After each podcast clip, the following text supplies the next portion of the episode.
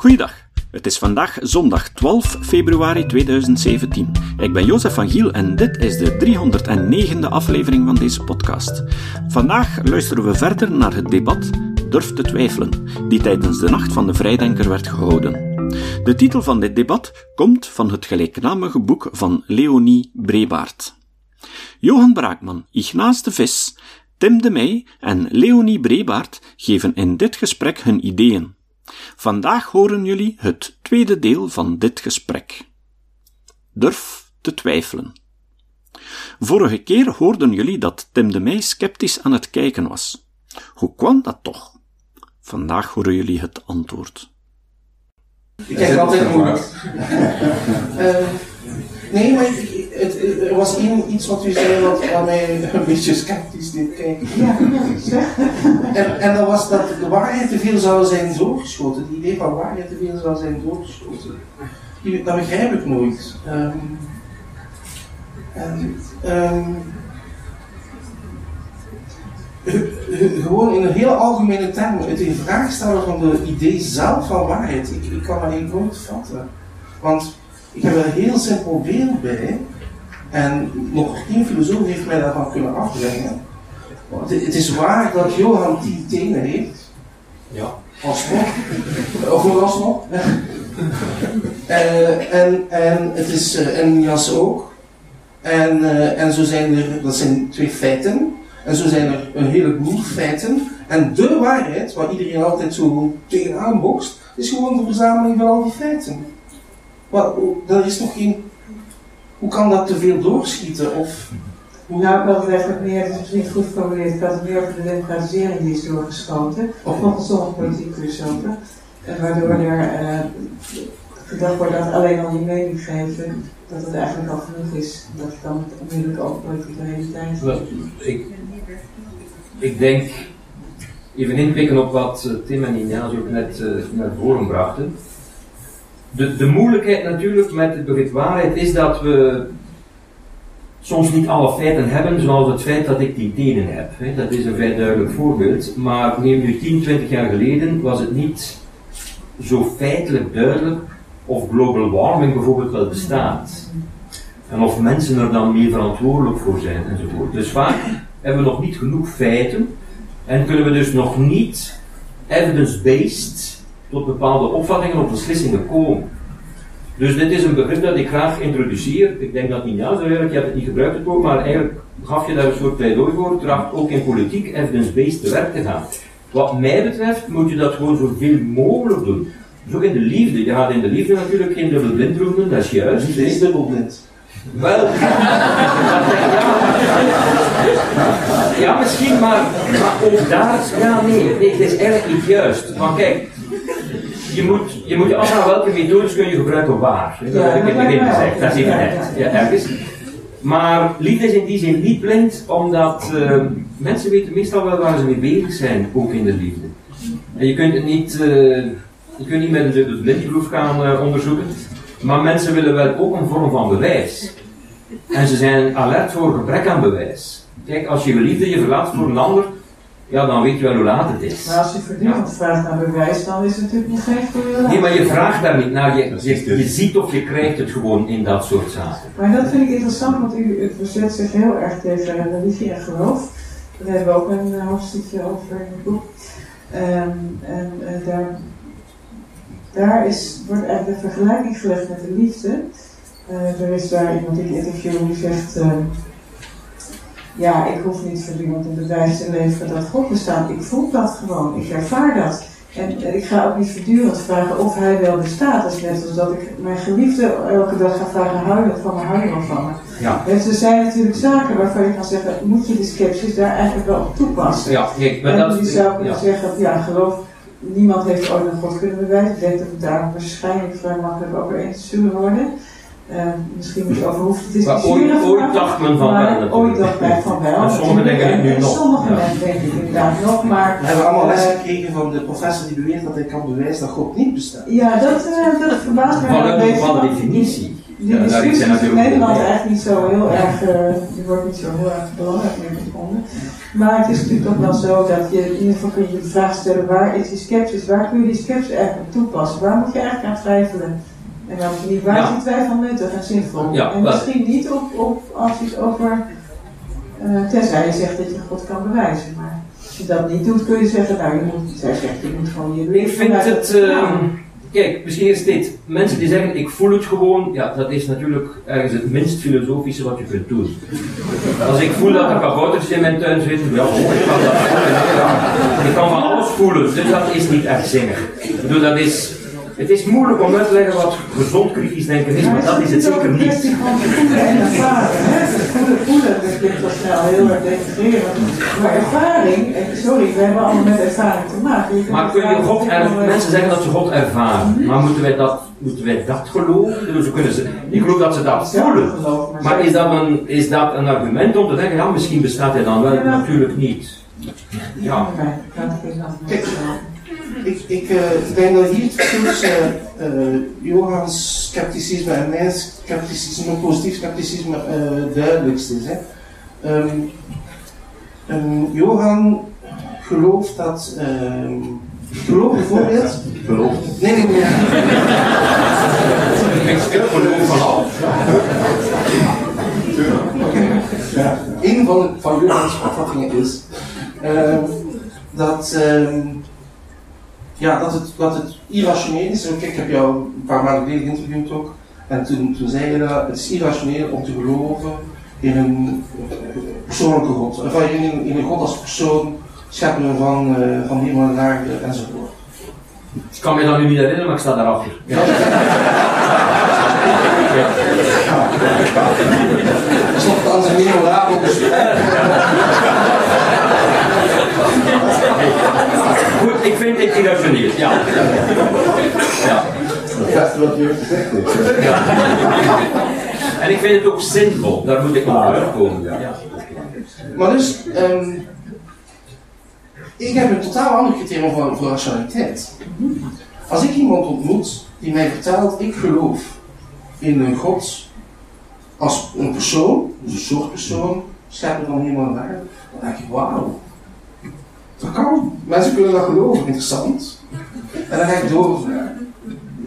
En als dat een rationeel persoon is in mijn zin, dan heeft hij of zij dat in overeenstemming, in coherentie gebracht met alle overige opvattingen die die persoon heeft. En dan heeft hij dus een coherent wereldbeeld opgebouwd. En dat is volgens mij het enige criterium waar je ultiem kan hanteren om te kiezen tussen wereldbeelden. Dat ook Dat is- dat is Ja. Ik denk dat een Ja. irrationeel persoon wel verdacht veel ook bij mij een irrationeel persoon kan lijken.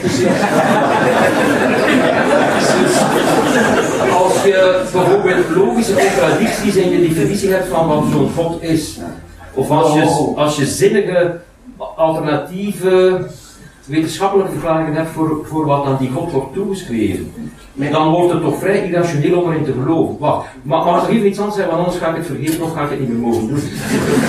Waarom is dit zinvol? Want er zijn mensen die denken, ja, God, zo geloven of niet geloven, oh, maakt allemaal niet veel uit. Ik denk dat het nogal wat uitmaakt voor, voor heel veel kwesties, belangrijke kwesties. Mensen denken anders na over abortus, over euthanasie, over, over talloze maatschappelijk relevante thema's, gekoppeld aan het al dan niet geloven in God. Dus voor mij maakt dat een zeer belangrijk En wat is daar dan zo belangrijk aan? Waarom is het dan, is dat dan, als je vanuit je geloof zegt, ik ben tegen abortus, is dat dan... Nee, dat, dat kan natuurlijk. Ik zeg alleen, het is Ja. relevant dat zij geloven in God. Ja. Want ze hebben dan andere politieke, ideologische, ethische ja. opvattingen. En dat is belangrijk natuurlijk. Dat is uiteraard belangrijk. En stel nu dat ik goede argumenten zou hebben om te zeggen, ja, hoe jij God ziet en wat je associeert met wie of wat God is enzovoort, dat klopt niet. Dan haal je misschien ook het fundament onderuit van die mensen hun opvattingen over homoseksualiteit of, of, of weet ik veel wat allemaal. En daarom is dat zeer relevant. En wat is uw eigen fundament? Mijn fundament? Wel, ultiem natuurlijk, ja, dus naast wetenschappelijke methodologieën, is voor mij van belang wat wij als mensen waardevol vinden om na te streven in, in een gemeenschap, in een samenleving. Maar dat is aan voortdurende discussie onderhevig me. Ja, maar ook daar denk ik hebben we toch een zekere mate, dat wordt in zo'n geval, kunnen we toch een zekere mate van vooruitgang inzien. Zie je? Ik denk dat een wetenschappelijke benadering, een meer evidence-based benadering, ons over de eeuwen heen sterk geholpen heeft om toleranter te worden, minder dogmatisch dus te worden, dat is in zekere zin hetzelfde, meer open-minded te zijn. Het feit dat we dit hier En dat kunnen heeft te maken met evidence-based, met dat denk ik wel. Wat, wat denkt u daarvan? Want u bent ook deels wel eens vaak een historische inslag in de werk. Ehm kun je het daarover eens worden? Ik vind dat echt moeilijk. Ehm, bedoel, om het een beetje scherp te formuleren, zolang de onzin privaat blijft, is er geen enkel probleem natuurlijk. Dan geloof je wat je wil. De, de kwestie is uiteraard, wat is het effect daarvan op maatschappelijk gebeuren? Ik kan in van alles geloven, zolang mij dat niet verhindert om een open mind te hebben in het particuliere beroep dat ik uitoefen, dan speelt dat weinig rol. Wanneer speelt het wel een rol? Wanneer mijn geloof, mijn overtuiging of, of mijn gebrek aan geloof mij parten kan spelen in de wijze waarop ik mijn beroep uitoefen en ik dan bevooroordeeld een welbepaald segment van de wereld ga wegsnijden. De, de eerstvolgende minister in de States van eh, Onderwijs is een creationist. Door dit is een heel uh, duidelijk ideologische stellingname voor een openbaar ambt. Dit vind ik zeer problematisch. Je kunt creationist zijn in je vrije tijd. Als je als minister creationist bent, dan is het zeer terecht waar Johan zegt van, dan moet je eerlijk zijn en zeggen, we hebben een ministerie voor creationisme en daarnaast een ministerie voor onderwijs. Dan ben je eerlijk. Maar wanneer die twee sferen met elkaar gaan interfereren, dan heb je moeilijkheden. Nu, in principe, in principe zou je mogen verwachten in een seculiere staat dat we een scheiding hebben van, zeg maar, private overtuiging en datgene wat we in de openbare ruimte doen. In de praktijk is dat natuurlijk niet zo eenvoudig. Uh, en het hoeft niet per definitie problematisch te zijn, zolang er de mogelijkheid is om in debat te gaan met elkaar, een democratische toetsing te hebben van elke overtuiging aan de ander. En ik denk dat dat een belangrijk gegeven en belangrijk instrument is geweest in de hele democratisering van het debat over waarheid. Dat is dat één, iedereen inderdaad in de mogelijkheid verkeert om een overtuiging te hebben, goed of minder goed, geïnformeerd. Maar dan twee, dat we in staat zijn, ideaal gesproken, om die mening te gaan toetsen aan anderen. En je kunt zeggen, dit is van een hopeloze naïviteit. Tegelijkertijd zie je wel degelijk de laatste jaren toch wel inspanningen dat er op zeg maar, burgerniveau wel degelijk initiatieven zijn genomen, noem het de G1000, noem het burgerdebat of wat dan ook, waarin mensen wel degelijk met elkaar in debat gaan en na verloop van tijd, doordat ze geleerd hebben, en ik denk dat dat echt een van onze moeilijkheden is, met elkaar discussiëren, zonder meteen buitensporig uh, verbaal geweld te vertonen, de persoon te nemen in plaats van wat hij zegt enzovoort, dat dat wel degelijk mogelijk is, alleen moeten we erin geleerd worden. En ik denk dat dat de grote moeilijkheid is, als je ziet hoe moeilijk het vaak is om met iemand op een rationele wijze van mening te verschillen, zonder dat je de dag erna je mailbox vol krijgt met haatmail over wat er eigenlijk totaal niet toe doet, dan denk ik dat we daar een maatschappelijk probleem hebben. Dat we niet aan de waarheid zullen toekomen over heel veel kwesties, lijkt mij logisch, omdat ze gewoon te complex zijn. Als je vraagt wat is een goed kunstwerk, ja, bon, uh, evidence-based, no way. Als je vraagt wat is een goede samenleving, zeer complexe vraag. Als je zegt, heeft maar ook, maar ook evidence-based, tot op zekere hoogte. Ja, maar toch zul je onvermijdelijk altijd moeten vaststellen dat een aantal zaken qua complexiteit die evidence-based overstijgen. En dat je dus op een terrein zit waarbij feiten niet zwart op wit zullen de doorslag kunnen geven. Oké, okay, maar we hebben in de loop der eeuwen... Stel nu bijvoorbeeld, wat is een goede samenleving? Daar zijn maatschappelijk pogingen toe ondernomen, wel die pogingen zijn hopeloos uitgegleden in de gedachte dat ze de waarheid hadden over datgene wat een goede samenleving moest zijn. Maar iemand die denkt dat hij de waarheid kent, dat is natuurlijk het absolute tegendeel van evidence-based. Uiteraard, je, je, moet, uiteraard, dat is de je moet het natuurlijk onderzoeken en aftasten enzovoort. Ja. Kijk, beginnende op zijn minst bij iemand als Spinoza, die zelf naar voren brengt, kijk, als we het zus en zo organiseren, dan zorgt dat voor meer vrijheid en voor meer menselijk geluk en voor meer welvaart enzovoort. Dus, uh, en dat kun je evidence-based invullen natuurlijk. En je kunt vooroordelen aanpakken, je kunt misvattingen bestrijden. Um, En zo zorgen voor een betere samenleving. Ik denk dat wij dat in westerse democratie de voorbije eeuwen meer en meer gerealiseerd hebben. Dus twijfel in die zin, maar tegelijkertijd pleiten, pleiten voor een evidence-based aanpak, dat sluit elkaar niet uit. Evidence-based betekent ook antidogmatisch. Ja, antidogmatisch, maar is natuurlijk ook in ieder geval, ik weet niet of dat in België is, in Nederland is er wel een probleem. Wij hebben geen probleem. Nee. dat is heel zijn we in ieder geval anders. Maar in Nederland speelt natuurlijk wel het probleem dat wij zijn een behoorlijk geseculariseerd land. Uh, de, de, de modus is dus heel erg, ja, geloof is achterlijk, zou ik maar zeggen. En daar komt het op neer. En dan komen er allemaal moslims uit het land en die voelen zich daarin vaak ook wel heel erg uh, niet gezien. En uh, wij denken in Nederland vaak van, nou, we zijn heel neutraal, wij zijn, wij zijn geloof in feite, maar dat, dat blijkt dan toch niet helemaal zo te zijn. Uh, dus wat dat betreft kan natuurlijk dat, het idee van dat wij alleen maar op de feiten kijken naar de feiten en logische redenering, dat wij volstrekt neutraal uh, opereren wat wij de beste samenleving is de allerbeste en wij het allemaal veel beter geven dan de anderen. Dat kan ook uh, zorgen ervoor dat mensen zich die bijvoorbeeld wel geloven op een manier die wij heel achterlijk zouden kunnen vinden en zich buitengesloten voelen. Ja, maar kijk, misschien moet ik dit, want ik ben hier voorgesteld als iemand zeer anti-geloof enzovoort, dat is eigenlijk niet zo. Van mij mogen mensen het bijgeloof hebben dat ze willen. En dus Ignace heeft ook gezegd, mensen mogen privé denken wat ze willen, ik heb daar geen problemen mee. Behalve in private kring, als, je dat dan doorgeeft aan je kinderen en van je kinderen eist dat ze jouw dogma's overnemen, dan wordt het misschien weer wel, wel wat problematisch.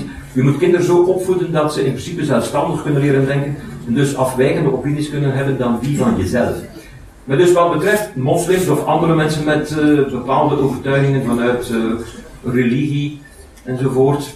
Uh, ik denk dat, dat secularisme, een mogelijke invulling daarvan, is nu net dat je zegt, kijk, we zorgen ervoor dat iedereen mag denken wat hij wil, dus we laten bijgeloof en geloof toe en iedereen kan dat privé beleven zoveel ze maar willen. Maar in het maatschappelijke debat, als je politieke invloed wil hebben die zich uitstrekt over de meerderheid, dan moet je je opvattingen kunnen formuleren in een andere taal dan de religieuze taal. Snap je? Dus je moet niet, bijvoorbeeld als je tegen homoseksualiteit bent, stel nu je tegen het homohuwelijk bent, dan moet je niet proberen dat op te dringen of het homohuwelijk te verbieden, zoals we discussies hebben gehad in Nederland, België, Frankrijk relatief recent bijvoorbeeld. In vele andere landen is men er nog niet eens aan toe. Dan moet je dat niet doen met het argument, ja, want het staat in de Bijbel of het staat in de Koran enzovoort. Daar moet je daar moet je je hakken zetten. Dat kunnen we niet in een democratie toelaten. Ik zie het. het maar mensen bellen bijna. Maar mensen kunnen natuurlijk argumenten naar voren brengen waarom ze tegen het homohuwelijk zijn. Of tegen abortus zijn enzovoort. Uiteraard. Maar wil je meespelen, wil je de democratische spelregels volgen, dan moet je dat in een seculiere taal kunnen doen. Anders, waarom zou ik dat moeten ernstig nemen wat uw God denkt? Zijn God kan iets anders denken. En dat, dat lijkt ons tot nergens. Seculiere taal als neutraal?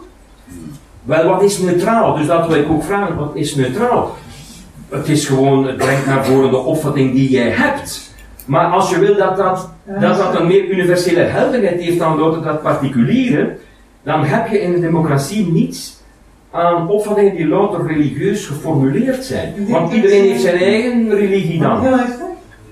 Ja, omdat je niet, uh, je ontsnapt natuurlijk niet aan het, aan het maken van een bepaald punt, zoals je zelf zegt, je moet je kinderen opvoeden zodanig dat ze wegweten met andere overtuigingen.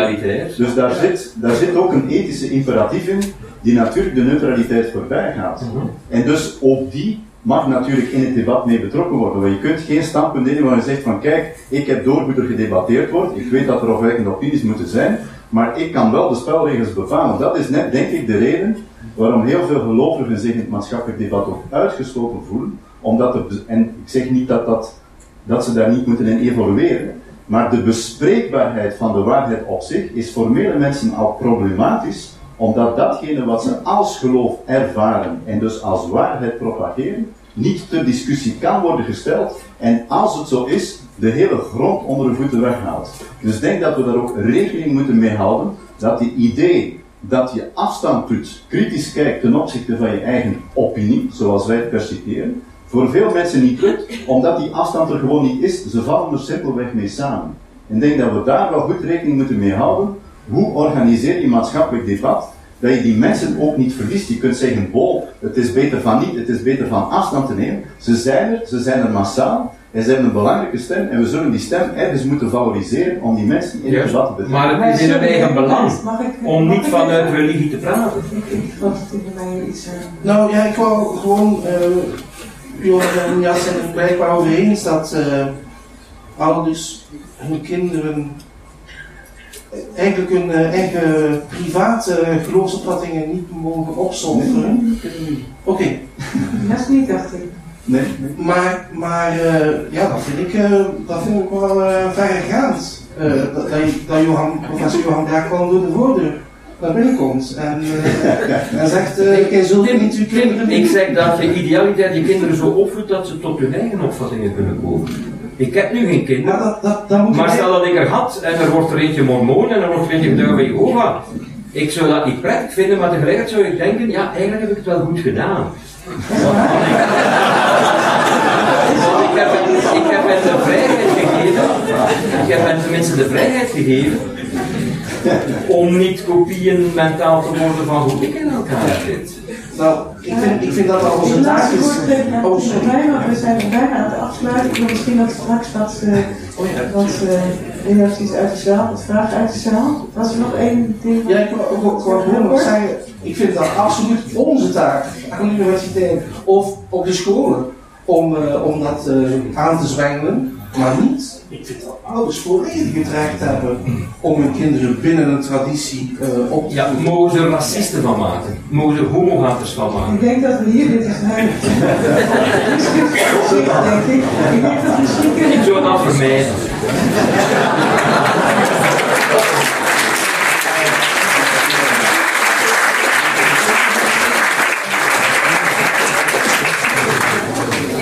Vragen uit de zaal.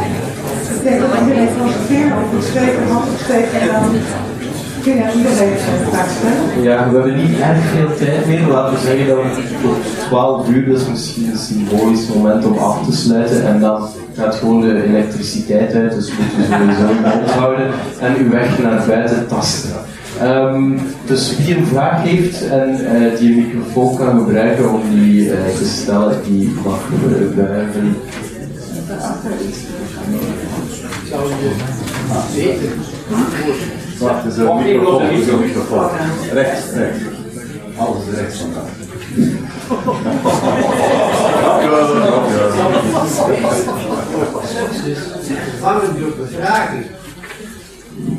Sorry, ik heb het niet meer. Ja, ik ben daarvoor.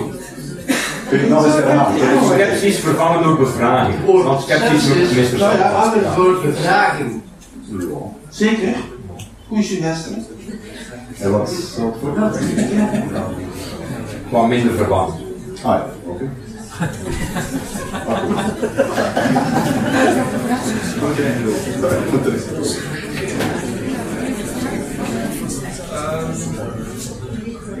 Daar straks werd uh, geopperd van uh, evidence-based, dat, de maatschappij ook eventueel een evidence-based zou moeten zijn. Wat kan een goede maatschappij vormen dat die evidence-based zou moeten zijn?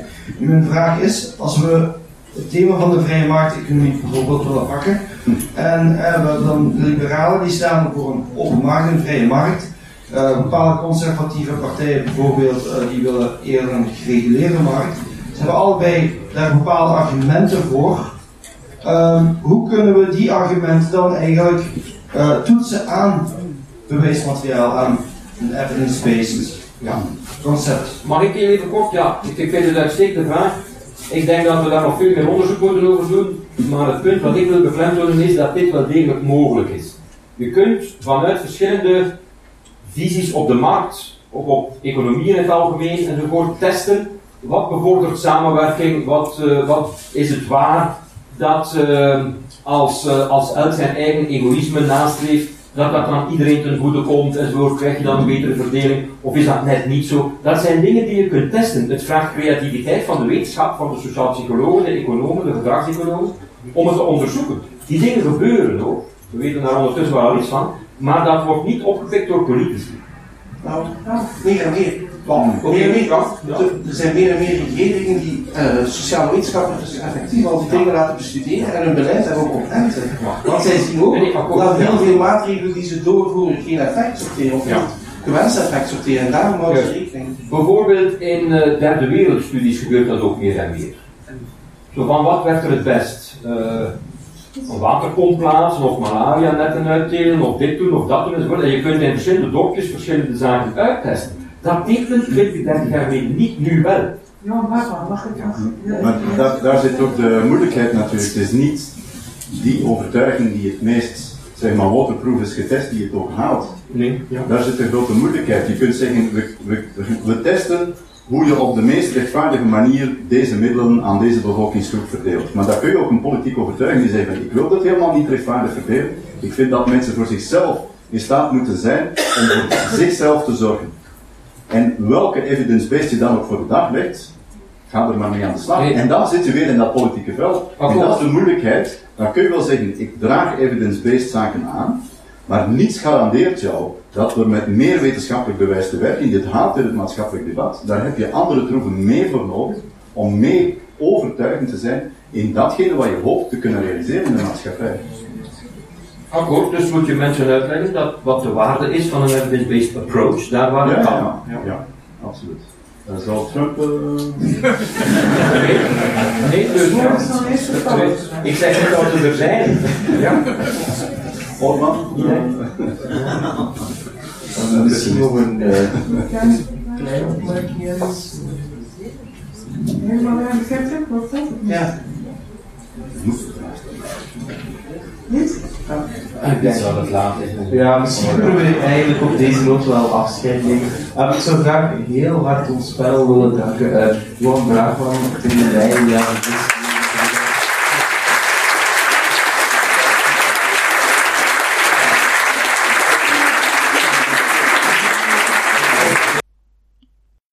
Het citaat. Het citaat van vandaag komt van Daniel Dennett, waarover jullie al enkele keren hoorden op deze podcast.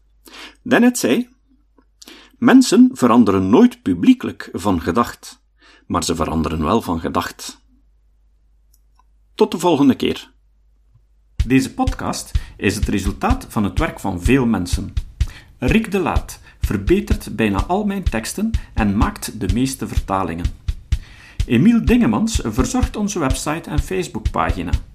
Ook Leon Korteweg en Stefan Sutens schrijven, vertalen of verbeteren soms artikelen. Leon onderhoudt bovendien het YouTube-kanaal van deze podcast. De muziek van de intro en de trailer heeft Nick Lucassen geschreven en soms maken we ook gebruik van muziek van Ad van Nederpelt, die ons zijn prachtige composities ter beschikking stelt. Dit was de podcast Kritisch Denken. Vergeet niet om alles kritisch te behandelen, ook deze podcast. Voor verdere informatie over deze podcast, links en voor de tekst, surf naar www.kritischdenken.info. Als je deze podcast belangrijk vindt, kun je me steunen door anderen warm te maken ook eens te luisteren. Stuur een e-mail naar vrienden met een link naar de website en plaats de link in de handtekening van je e-mails. Tevens kun je op iTunes deze podcast een beoordeling geven of een recensie schrijven.